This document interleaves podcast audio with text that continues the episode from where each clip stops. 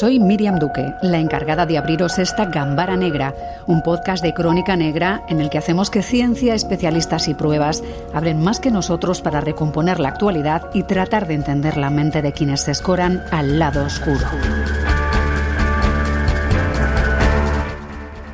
Pasamos el control de accesos de la Comisaría Central de la Archancha y nos dirigimos a la científica. Esta es la, sala donde recepcionan las evidencias que traen de los que hacen las inspecciones oculares eh, cuando hay un presuntos delitos de robo o lo que fuera, pues traen aquí para recepcionarlas y luego distribuirlas por, eh, al, al, laboratorio a la sección que corresponda. Y ahora nos están abriendo el acceso principal. ¿eh? No, hola, hola, hola, Gracias, Casco a la sala arriba. Vale, vale sí, ahora subimos. Hola, hola. Es una mezcla entre entrar en una oficina y en unos laboratorios. ¿eh? Efectivamente, es una mezcla. Hola, Egunon. Hola, Egunon. Llegamos al laboratorio y ahí están trabajando Ichazo Díaz de Lezana y Ana Isabel Herrero. Son técnicas de laboratorio en la sección de Química y Explosivos de la Jefatura de la Policía Científica de la Archancha. Su especialidad, drogas, fibras y pinturas. Sus análisis ayudan a esclarecer robos, asaltos o alunizajes. Ella es Hichaso. ¿En qué sala estamos ahora mismo? Porque podremos analizar fibras y plásticos y un montón de cuestiones, ¿no? Que es lo, que, lo habitual en los casos que investigáis. Sí, esta es la sala de microscopía óptica y luego tenemos un espectrofotómetro de infrarrojo, acoplado a un microscopio de infrarrojo también. Y bueno, pues aquí analizamos pinturas, pinturas provenientes de alunizajes, que es el estampar un coche contra una empresa para acceder al interior a robar. Eh, pinturas pueden ser de alunizajes, lo que decía, de sprays, pueden ser de pinturas arquitectónicas, pinturas de, herramientas, cuando se utiliza una herramienta para eh, pues romper una ventana o acceder a través de una puerta haciendo palanca o así. Sí, eso es. ¿Las arquitectónicas qué serían? Arquitectónicas serían, por ejemplo, las de pared o las que cubren una puerta, las pinturas con las que habitualmente pintamos pues una, una vivienda o un edificio. Eso ahí que analizamos entonces, si yo he tratado de estampar un coche contra una joyería, digamos, se puede ver la pintura de un lado y de otro, si coinciden. Sí, eh, generalmente en los analizajes eh, tenemos la doble transferencia, es decir, tú estampas o estampan un vehículo para acceder al interior y quedan restos del vehículo en el lugar de los hechos y a la vez eh, quedan pinturas de la, de la puerta o del, del acceso donde, contra el que se hayan eh, chocado, quedan en el vehículo cuando se localiza posterior, porque generalmente son vehículos eh, que se roban para, para ello. Luego tendríamos eh, cuestiones como los atropellos. Eh, entiendo que hay muchas veces que parece un atropello y no lo ha sido, o que sí lo ha sido. No sé si hay posibilidad de analizar pues fragmentos de, de los focos o fragmentos que dejemos nosotros si hemos sido atropellados y hemos caído contra la luna, por ejemplo. Sí, sí. En un atropello hay que hacer una buena inspección ocular porque las microtrazas, que se llaman las mm, pequeñas trazas que nos llegan al laboratorio, están por todos los lados. Seguramente en un atropello quedarán restos de la pintura del vehículo, de los, del bajo de la pintura del vehículo, en la ropa de la, persona atropellada o incluso en el pelo. Eh, pueden quedar restos de las fibras de las eh, prendas de vestir de la persona atropellada en el propio vehículo. Tenemos algún caso eh, que bueno, hemos podido analizar. La pintura del vehículo que quedó en, en, el zapato de la persona atropellada inicialmente parecía un trozo pequeñito que parecía ser como una motita de polvo, pero fuimos ampliando la imagen y vimos que correspondía con la pintura metalizada de un vehículo azul. O sea, lo que estamos viendo ahora mismo a través del microscopio es ese fragmento que si lo vemos directamente es un plastiquito que sería un pedacito del coche y ahí en la imagen ampliado se van viendo las dos cuestiones, ¿no? Ampliando, ampliando se va viendo ese paisaje y aparece ahí el, tono azul. ¿Qué indica ese azul exactamente? Eh, vemos que tienen las mismas hojuelas decorativas, eh, las mismas partículas metálicas, del mismo, la misma tonalidad que tenía el propio vehículo cuando luego fue localizado. Y eso se encuentra en un pequeño lugar del zapato. Eso es, eso es, exactamente.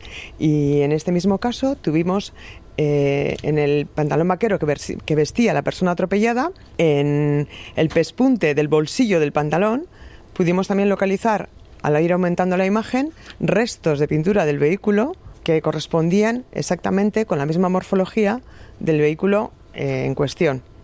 Pero estamos hablando de cosas que ahora vistas al microscopio parece muy evidente y se ve, estamos viendo ahora ese trenzado, claro, ampliado, ampliado, parece que estamos eh, viendo cuerditas en vez de lo que sería un vaquero, que nunca lo había visto yo en una ampliación tal. Pero a simple vista es muy complicado, ¿no? O sea, eh, hay que tener mucho cuidado y recoger todas las pruebas muy, muy bien, porque claro, estamos hablando de bueno, centímetros, no, muchísimo menos. No, no, de micrómetros en muchos casos. Es muy importante que los compañeros hagan una buena inspección ocular, que hagan una exhaustiva inspección ocular, porque nuestro éxito depende en gran medida del trabajo inicial de los compañeros de, inspecciones oculares. Estábamos eh, viendo ese tejido, ese trozo de zapato que es eh, a simple vista una pequeña manchita mínima y ahí están las evidencias de que sí que hubo un contacto y una transmisión ¿no? entre, entre uno y otro.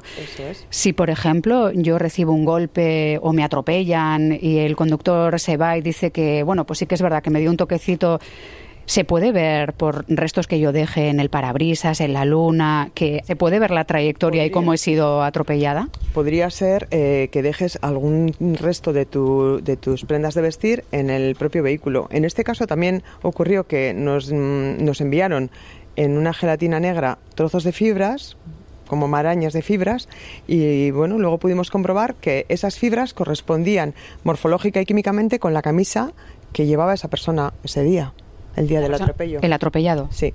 ¿Y dónde estaban esas fibras? En la zona del espejo retrovisor. Se habían quedado las fibras allí, las habían recogido con unas pinzas y las habían puesto en esa gelatina negra para poderlas transportar. Eso está bien saber porque a veces no sabemos muy bien cómo cosas tan pequeñas, eh, las evidencias mínimas llegan al laboratorio y se utilizan, por ejemplo, gelatinas para que no se pierdan. ¿no? Es increíble el relato que se puede llegar a hacer con fragmentos tan mínimos de, un lugar o de una escena de un crimen. Exactamente. Eh, mm, partículas o, o trozos de objetos que son tan sumamente pequeños que pueden pasar inadvertidos para la para el ojo y requiere pues de, de muchísimo cuidado y muchísima experiencia a la hora de hacer la inspección ocular. En el caso, por ejemplo, de Esther López, estamos escuchando mucho últimamente que se están tratando de analizar fibras, se ha pedido ayuda a un laboratorio privado para ver si consiguen ver si parte de las fibras que tenía o de los restos que tenía bajo las uñas coinciden con un pantalón concreto de Inditex, se están tratando de hacer ese acercamiento. ¿Es posible eh, algo así? Que, vosotras con una fibra podéis decir qué material es o aproximarse a, a una prenda concreta o es todavía demasiado complicado? ¿Qué es lo que os suele llegar de casos de este tipo? ¿Qué tipo de fibras os llegan a vosotros? A nosotros nos llegan eh, fibras de todo tipo. No es, un, no es un análisis que sea muy habitual en nuestro laboratorio. Podemos tener, pues, yo que sé, tres, cuatro casos al año. ¿eh? Pero bueno, nos suelen llegar pues fibras de todo tipo para comparar con una muestra indubitada. Siempre tenemos una muestra indubitada para saber si puede pertenecer o no. Si puede tener las mismas características morfológicas y químicas que esa prenda. Y el, el resultado que solemos dar es que es compatible o no es compatible. Poder decir, eh, como se ha puesto en prensa, que unas fibras en concreto pertenecen a un lote de fabricación, pues lo vemos complicado, la verdad. No sabemos qué tipo de instrumentación tendrá el laboratorio donde las han enviado, pero en principio se nos hace muy complicado. Viendo los tamaños con los que trabajáis, porque esto ahora mismo digamos que no sé si es una pieza de un intermitente lo que tenemos bajo el microscopio, ¿puedo mirar? A ver cuál es la sensación, ¿me puedo asomar?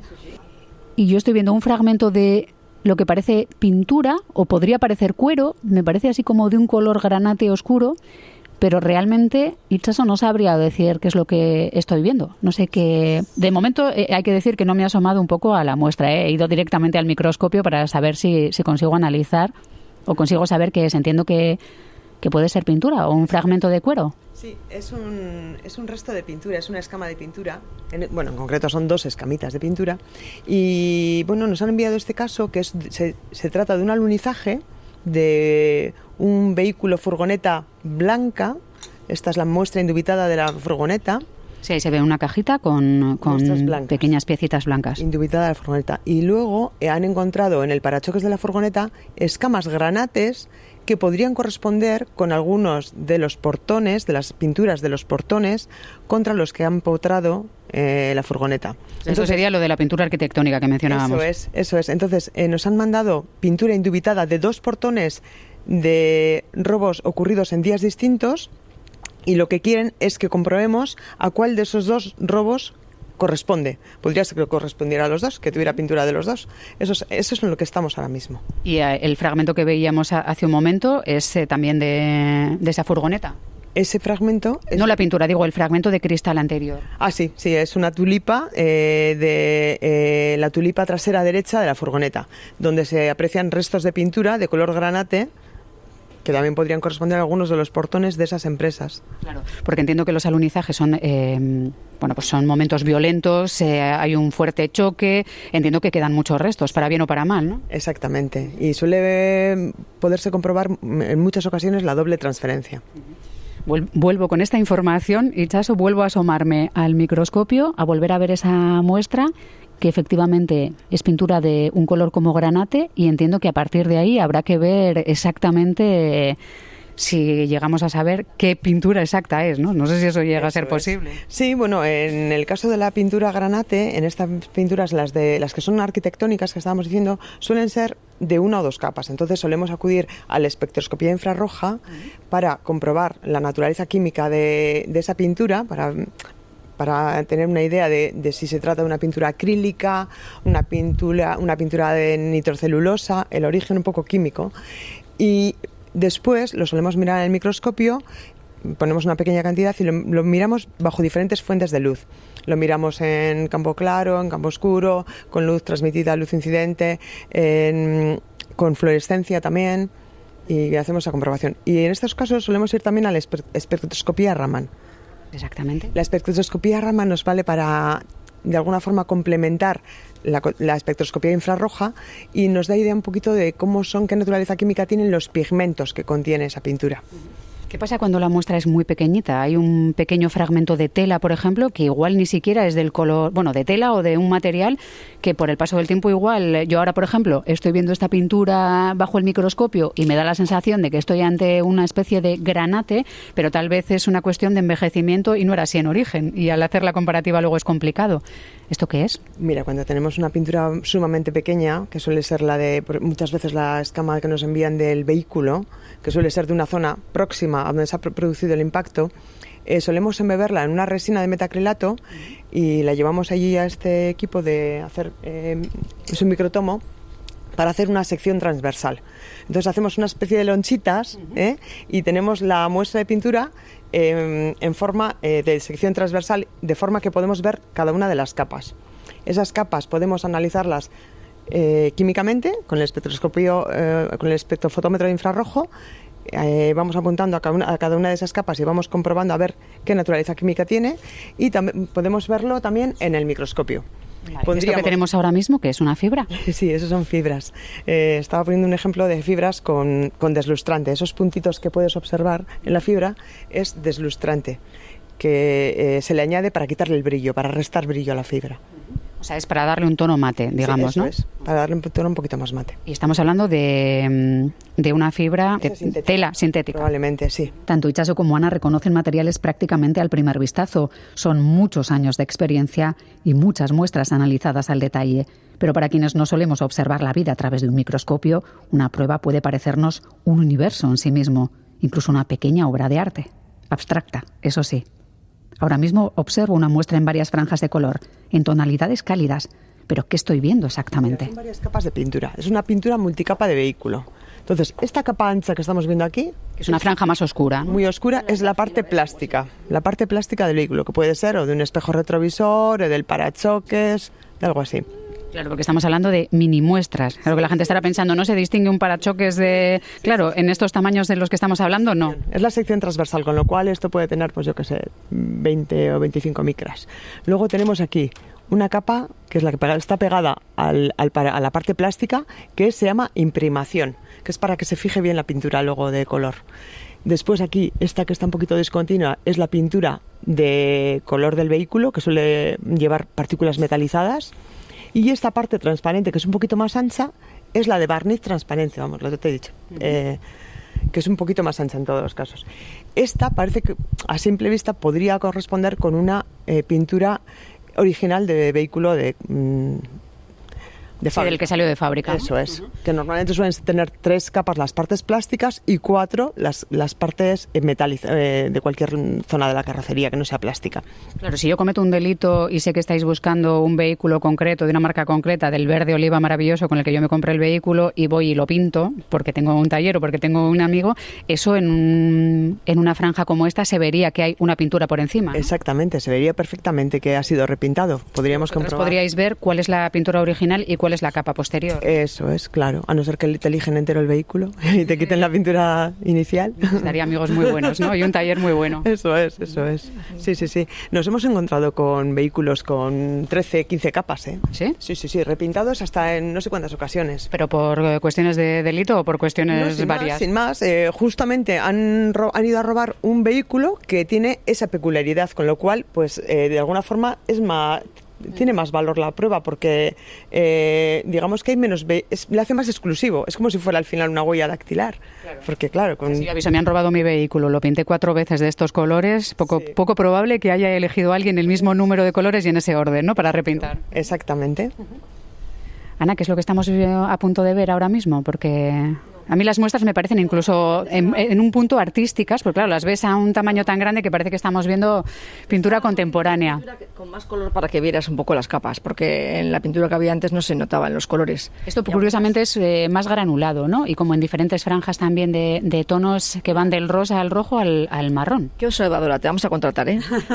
sí, porque se ve la textura de la pintura que es completamente diferente, por ejemplo, a la que hemos visto antes. Pero eso también un vehículo repintado que tiene que se ve que tiene varias capas de color. Claro, aquí estaríamos viendo varias capas diferentes y eso es un poco la evidencia que decíamos antes de de que capa a capa se puede ver como cuando cortamos un árbol y en, en el tronco se ven, ¿no? Eso es, y luego las vemos con diferentes fuentes de luces pues para que se vea, comparar las pinturas en diferentes fuentes de luz te da información, porque se ven de la misma forma.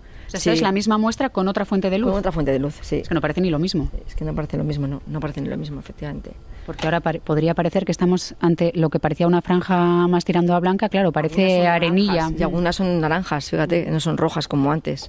Pero claro, si yo tengo otra muestra para comparar y la veo igual que esta, y, que toda la secuencia de las capas la veo igual, eh, en diferentes fuentes de luz la veo de la misma forma, pues dices, bueno, pues es otro indicio más, ¿no? De, es una forma de identificar un vehículo en este caso. De identificarlo, de decir que puede ser el mismo, claro. Contra más indicios tengas de que, de que se parecen, y más, y más técnicas utilices, pues más seguridad te da. Entiendo que se identifican más vehículos robados o, utilizados en alunizajes. en la mayoría de los alunizajes nos mandan vehículos robados, nos roban para eso.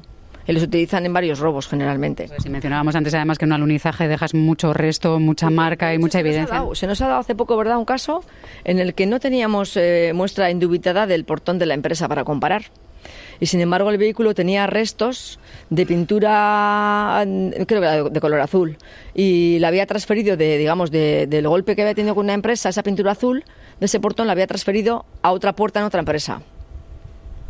Sí, sí, sí, que al final, al final apareció una transferencia secundaria, ¿no? Eso es, sí.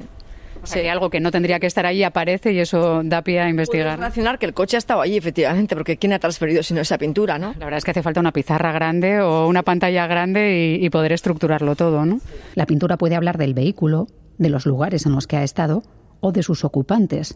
Pero ¿qué ocurre cuando, por ejemplo, hablamos de secuestros o actos en los que nos inmovilizan usando cuerdas, cordones o cinta aislante? ¿Cómo se ven ampliadas en estos microscopios y máquinas de última generación? Nos interesan las cuerdas tras analizar el caso de Asunta Basterra Porto hace solo unos días. El jurado, por unanimidad, encuentra al acusado Rosario Porto Ortega culpable del hecho delictivo de haber dado muerte a Asunta Basterra Porto sin posibilidad de defenderse. Igualmente, el jurado, por unanimidad, encuentra al acusado Alfonso Basterra Camporro culpable del hecho delictivo de haber dado muerte a Asunta Basterra Porto sin posibilidad de defenderse. Ambos culpables de asesinato y condenados a 18 años de cárcel. El jurado consideró probado que tanto Basterra como Porto suministraron de común acuerdo y repetidamente a Asunta, durante al menos tres meses antes de su muerte, un medicamento que contenía lorazepam. Probado también que suministraron a la niña una cantidad tóxica de ese mismo medicamento el día de su muerte.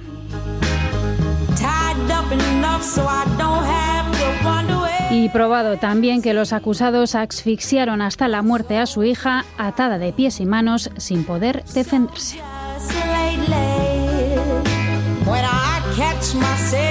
Atada de pies y manos con una cuerda naranja que, como decíamos, fue clave durante la investigación. Así reaccionaba Rosario Porto en el juicio cuando se lo mostraban. ¿Estas cuerdas son esas cuerdas que están ahí? Son las tres que aparecen junto al cadáver en esa fotografía ya, que justo antes, el cadáver ya lo he visto. Perdone. Justo antes, cuando advertí que no salieran las imágenes fuera de las aves. De acuerdo. ¿Sabe, ¿Sabe usted algo de estas cuerdas o no, sabe? No sabe nada. Rosario decía no reconocer las cuerdas, pero en el primer registro intentó esconder una papelera que contenía unas cuerdas idénticas. Un guardia civil la pilló, ante lo que se puso muy nerviosa. En toda investigación hay que fijarse en los detalles, pero cuando se entra en un laboratorio como este, una se da cuenta de que hablamos de detalles muy, muy pequeños detalles mínimos. Aquí los pequeños detalles son literalmente muy pequeños, ¿no? Sí, son verdaderamente pequeños. Mm, cosas que pasan totalmente inadvertidas al, ojo humano, ¿no? A simple vista. Pero aquí estamos hablando de pequeños detalles, micro detalles que cambian el rumbo de las cosas también, ¿no? No sé si hay algún estándar de lo más pequeño que haya servido para una investigación, algo especialmente pequeño que estuvisteis a punto de, no verlo siquiera al microscopio. Pues mira, hay veces que eh, las cosas son tan sumamente pequeñas que no no tenemos ni el equipamiento necesario para poderlo analizar, pero la simple fotografía realizada con bastantes aumentos, mm, una fotografía bien hecha y comparada con la muestra indubitada que tengamos, por ejemplo, pues mm, yo creo que también da pistas y puede servir de cara a la investigación. Es un indicio más. Esto es como un puzzle. Tú vas cogiendo indicios, igual solamente ese pequeño indicio no es nada, pero muchos indicios pequeños al final igual son muchos. Por eso es importante mucho la experiencia de haberlo visto antes. Lo que vas a analizar haberlo visto antes. Tener ya el ojo acostumbrado porque el que eh, vienes desde fuera y, tú sabes perfectamente que es una pintura, pero el, el, que viene de fuera y ve la foto dice esto qué es. Pero eh, eso, has tenido que ver primero pinturas a microscopio para saber distinguir y saber comparar. Pero esto es como todo en la vida. El sumiller ha tenido que aprender, tiene una memoria olfativa en su cabeza, una base de datos, eh, los pintores también, y aquí hay una base de datos que hace que distingáis perfectamente que estamos hablando de una micropintura, de un fragmento de una tulipa o, de algo que tal vez forme parte de, de, un arma, por ejemplo. ¿no? Pues muchísimas gracias a las dos. Ha sido muy interesante, la verdad. De nada, encantadas. Nada, de nada.